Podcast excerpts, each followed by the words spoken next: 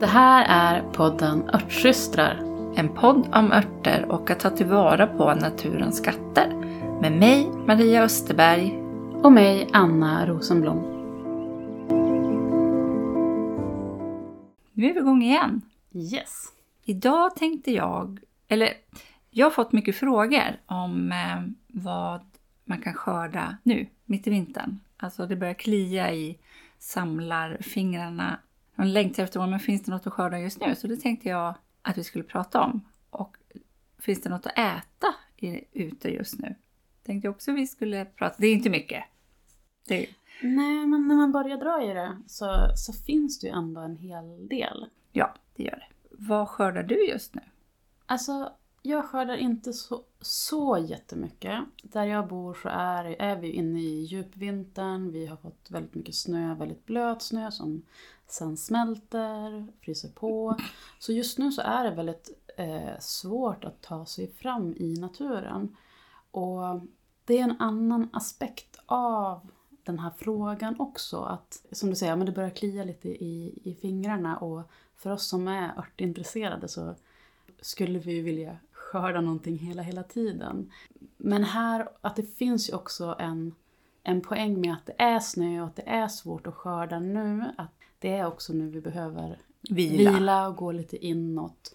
Så det är nog främst det jag gör nu. Men det jag tycker är ypperligt att skörda just nu det är ju dels att ta reda på eh, granen som jag precis, eller min tonåriga dotter precis slängde ut. Mm. Eh, att skörda lite barr därifrån och göra olja på. Jag har också en stor tall som har, eh, i en av de här blötsnöstormarna som var så har det rasat ner ganska mycket grenar. Mm, tack! Så att det är liksom främst barr som jag fokuserar på just nu. Men sen så tycker jag att det är lite senare i vinter, eh, hos mig ungefär i februari-mars när snön har satt sig och skoteråkarna har varit i farten. Då kan man ju börja ta sig ut igen. Ja.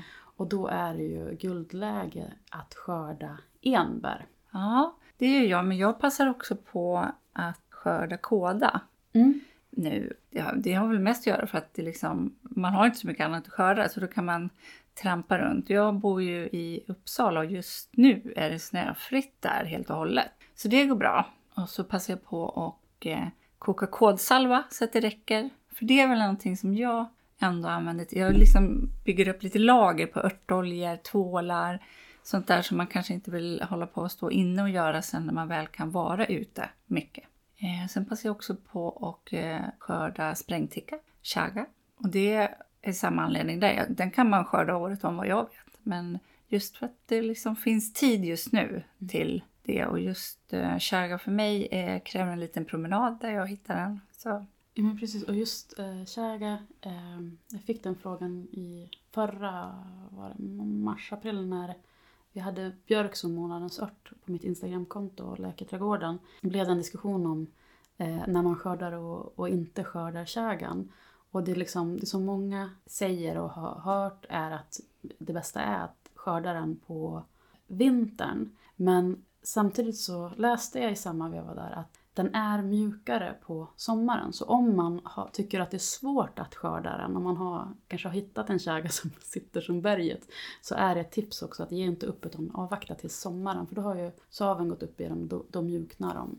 Ja, Men sen tänk- är ju frågan om vad, vad som är bäst ur ett Trädperspektivet. Trädperspektiv, ja. Eller du tänker när- Näringsperspektiv. Mm. För ur ur trädperspektiv så är det ju bäst att kägan inte alls finns där. Men vi vill ju ändå, käga har ju ett värde för oss som örtmedicin. Så vi vill ju... eh, Ja, jag vet inte så. om det skulle vara bättre att liksom saven har stigit. Jag har ingen aning. Nej, men jag lutar mot att det ändå är vintern eftersom det är någonting som, som många har fått till sig. Som många säger att det är vintern som är den bästa. Ja, för min man har en kollega som har en stuga i Jämtland. Och sådana här gamla jämtländska farbröder. De skördar den på vårvintern. Men sen med allt det där också när det gäller var, när och hur vi skördar saker så ska man ju också ha med sig det att de rekommendationerna ibland kan ju också ha att göra med Praktiskt. praktiskt liksom hur, hur man fördelar arbetet under året. Att eh, under eh, sommarhalvåret så har vi så himla mycket annat att skörda. Att det, då är det ganska smidigt att ta det på, På vintern. på vintern. Det är samma som den här grejen med att man ska klippa äppelträden på vintern. Exakt. Det, ja, det bygger på att man inte hann det. Mm. För då var det skörd av allting annat. Så Precis. Och där kan man ju återkomma till det här som den här härliga, det som räddar oss många gånger när vi hamnar i det här dilemmat. Eh, det som Laila Spik konstaterar angående kvannen, kvannen. ja. Eh, Ser du en kvanne så skördar du den. Ja. Punkt. att, och det, det, är, det här är en viktig poäng när det gäller örtkunskap för att det spelar ingen roll vad det är du ska göra så kommer du alltid att hitta motstridig information om hur du ska göra Ja. den. Just eftersom örtkunskapen är erfarenhetsbaserad och, och går från, man liksom lär sig från andra. Och att det inte allt är inte evidensbaserat och statistiskt säkerställt och liksom forskningsbaserat. Att därför finns det olika vanor och att någonstans när du har tid, har du tid att gå ut och, och en, en käga nu i januari, februari, Ta den. ta den! Ja, men jag tycker, jag tycker verkligen att, eh, att eh, för skulle man liksom följa så här, du ska skörda örter liksom när morgondaggen har släppt, men innan fjärilarna har ätit upp det, ska vara torrt och vindstilla och alltså hur många dagar är så? Och jag menar, någonting kan ju blomma bara under en två veckors period och det kanske inte ens är en sån dag. Alltså, det är bara att gå ut och plocka det, ja. helt enkelt. Så tycker jag, Ja. och det tycker du med. Jo, för att, eh, och särskilt som, som nybörjare, för man blir osäker och så, sen så vill man liksom, man vill veta, man vill göra rätt. man vill göra rätt. Men till slut så blir det liksom, det blir som en, nästan som en boja, att man kommer inte igång. För Nej. att eh, då försöker du ta reda på vad som är rätt och så sen så får du sju olika svar och så... Och så börjar det regna. Ja. Vi ska säga också jätteviktigt återigen att chaga och eh, koda tillhör inte allemansrätten. Nej. Och en annan aspekt av att skörda chaga och koda är ju också att de kan sitta Väldigt högt hö- väldigt högt upp. Så att eh, i Norrland så kan det vara lite svårt med, med snön. Jag var faktiskt duktig och gjorde ett sista ryck. Det här måste ha varit andra helgen i december. För det var så här att jag kände på mig att nu kommer snön och sen så kommer den inte försvinna. För jag hade spanat in ett jättefint kådaträd. Eh, en gammal skada där det liksom hade runnit jättemycket kåda och den var inte, för, den var inte så smutsig. Alltså, så Den var inte gammal. Nej. Och så var ju det här eh, ja, men uppe i byn. Och det fina, och där, därför så vill jag berätta det här att eh, den här, vanligtvis så skör, passar jag på att skörda det jag vill skörda som inte ingår i allemansrätten på min, i min brors skog. Men det här var ju en av grannarna så då gick jag naturligtvis och frågade. Och han blev ju jätte eh, intresserad och det ledde till ett jätteintressant samtal om, eh, om örter, om eh, erfarenheter som han hade sen sin barndom. Eh, och sen dessutom så erbjöd han sig att låna ut en stege. Så det var så himla smidigt att det var bara att gå förbi hos dem, hämta stegen ut och eh, skörda en rejäl eh, bytta med kåda. En fin berättelse, fråga markägaren så kanske du får en ny vän. Ja, och Ja. Eh, låna stege. Och få låna en stege, bara det. Och för det är min erfarenhet att vi har ju en tendens i Sverige att tycka att allemansrätten, alltså vi har en generös allemansrätt men det finns också en tendens hos oss svenskar att liksom utvidga den i våra, vårat liksom att vi tycker oss ha rätt till lite mer att äsch, inte den här lilla koden eller den här, det spelar Exakt. ju ingen roll. Att vi har allemansrätten är en enorm ynnest och förmån och jag tycker också att man kan visa tacksamhet och respekt för äganderätten. Ja. Och de allra flesta gånger så får man inte ett nej. Jag har aldrig fått ett nej jag när jag har frågat. Inte jag heller. Utan tvärtom, att ofta så, så skapar det liksom jätteintressanta samtal. Och möten. Ja, Ja. Eh, så, och jag tycker också att när vi, när vi skördar så dels det här med att fråga om lov, det handlar ju dels om, om frågan eventuell ägare om lov men även att fråga naturen om Ja. lov. Platsen. Vilket man kan göra på olika sätt. Men det handlar ju om att, att visa respekt och tacksamhet för, för det vi har möjlighet, möjlighet att få skörda. Och om vi gör det i att vi inte orkar fråga när vi egentligen borde, utan då, då går vi in i en liten så här roffarmentalitet. Att liksom, och då, det blir fel. Ja, det blir det. Då blir det helt fel energi. Och då Ja. blir det liksom, nej. Nej, säger vi till det. Kåda och kodsalva vet ju många. Där kan man väl säga att om man ska sätta igång och göra det så ska man använda saker som man aldrig behöver använda igen till något annat. Det är ett litet tips. Mm. Ehm, Jag gör också ett liniment av kåda som jag tycker är jätte, jättebra på små sår. Då har jag kåda och så har jag sån här IPA-sprit, isopropyl alkohol, vad det nu heter. Mm.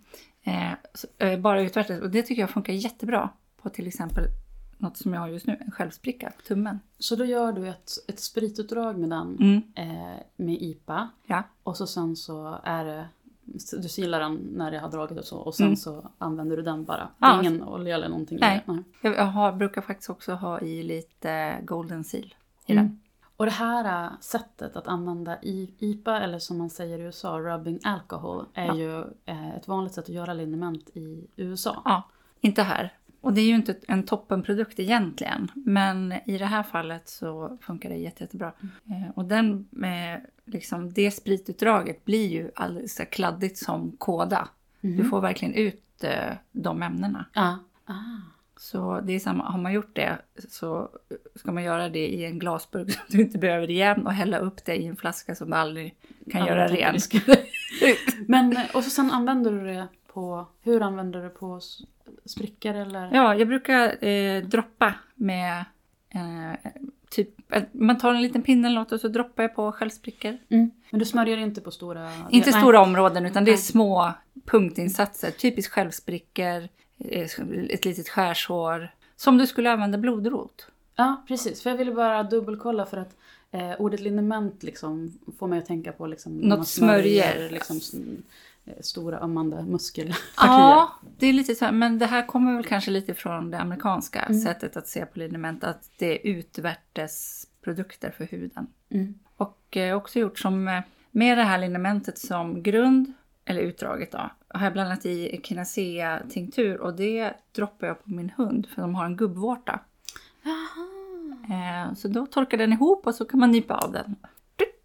Så kommer den tillbaka men ja, vi tycker inte det är värt att operera för han är en hundfarbror. Mm. Så han har den där. Så droppar vi så torkar den bort. Funkar hur bra som helst.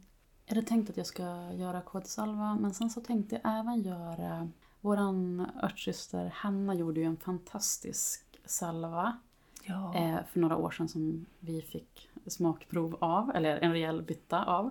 Eh, som var att hon hade kokat eh, kåda i vinäger. Mm.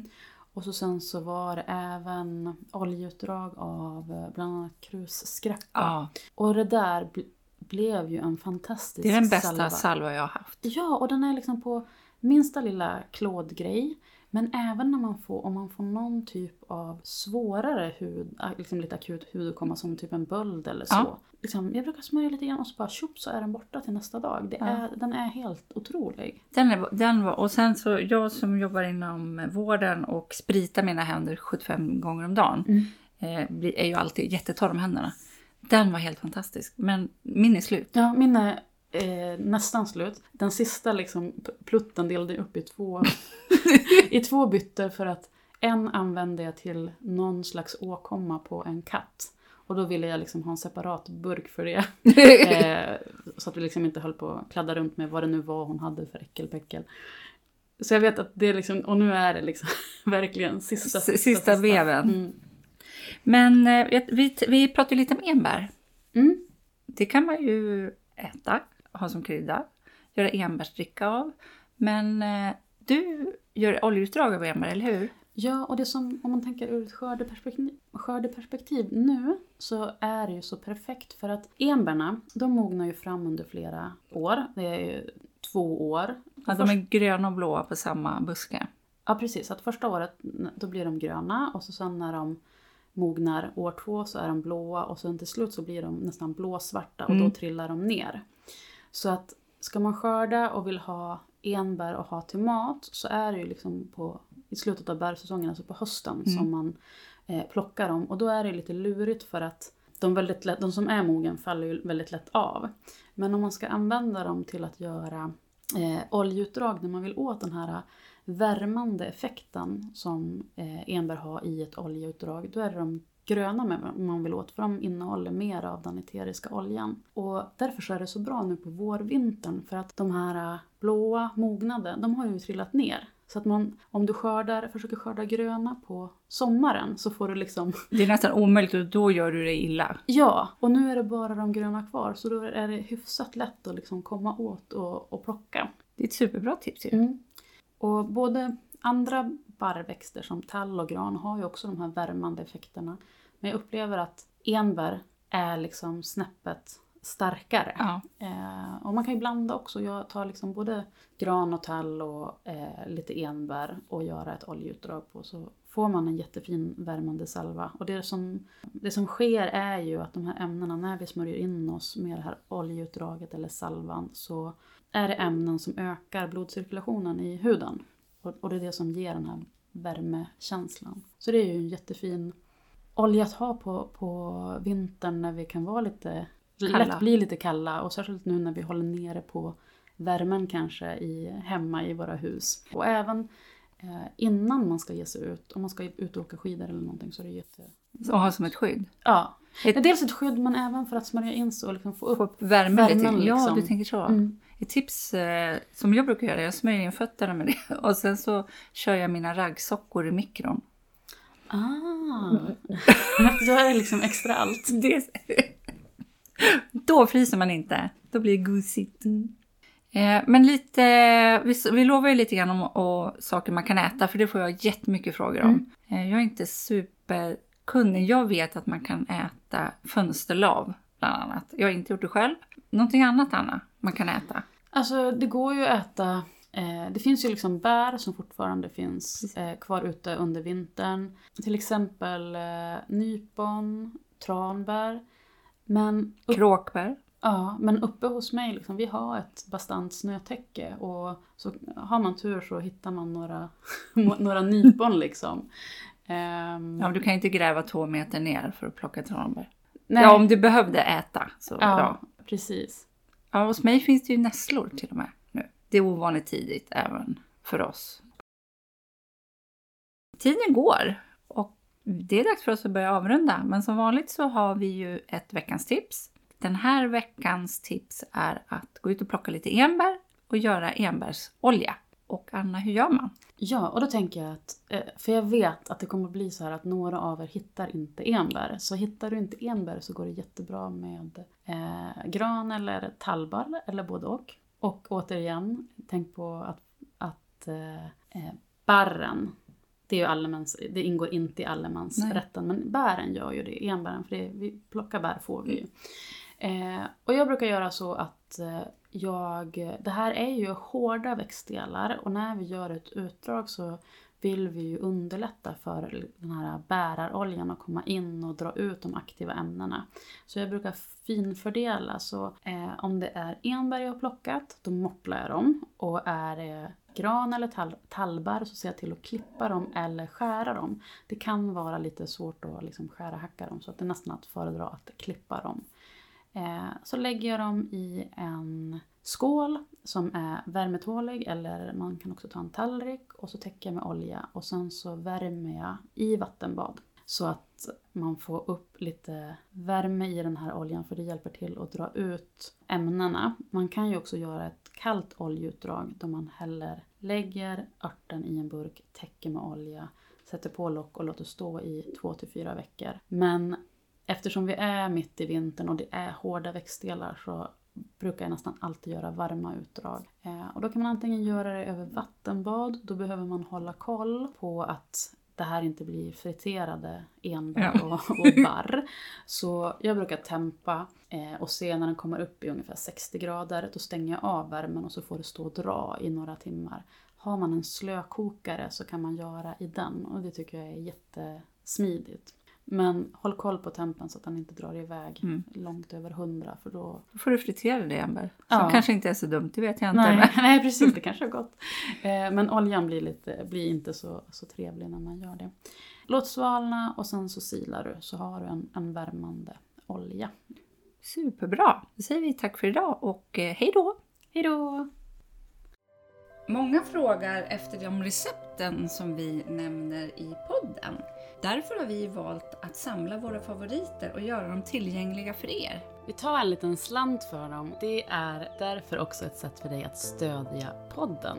Länk till recepthäftet hittar du i avsnittsbeskrivningen. Du kan också stötta oss genom att följa podden i din poddapp eller gå till poddens programsida och skriva en recension. Tack för att du lyssnar!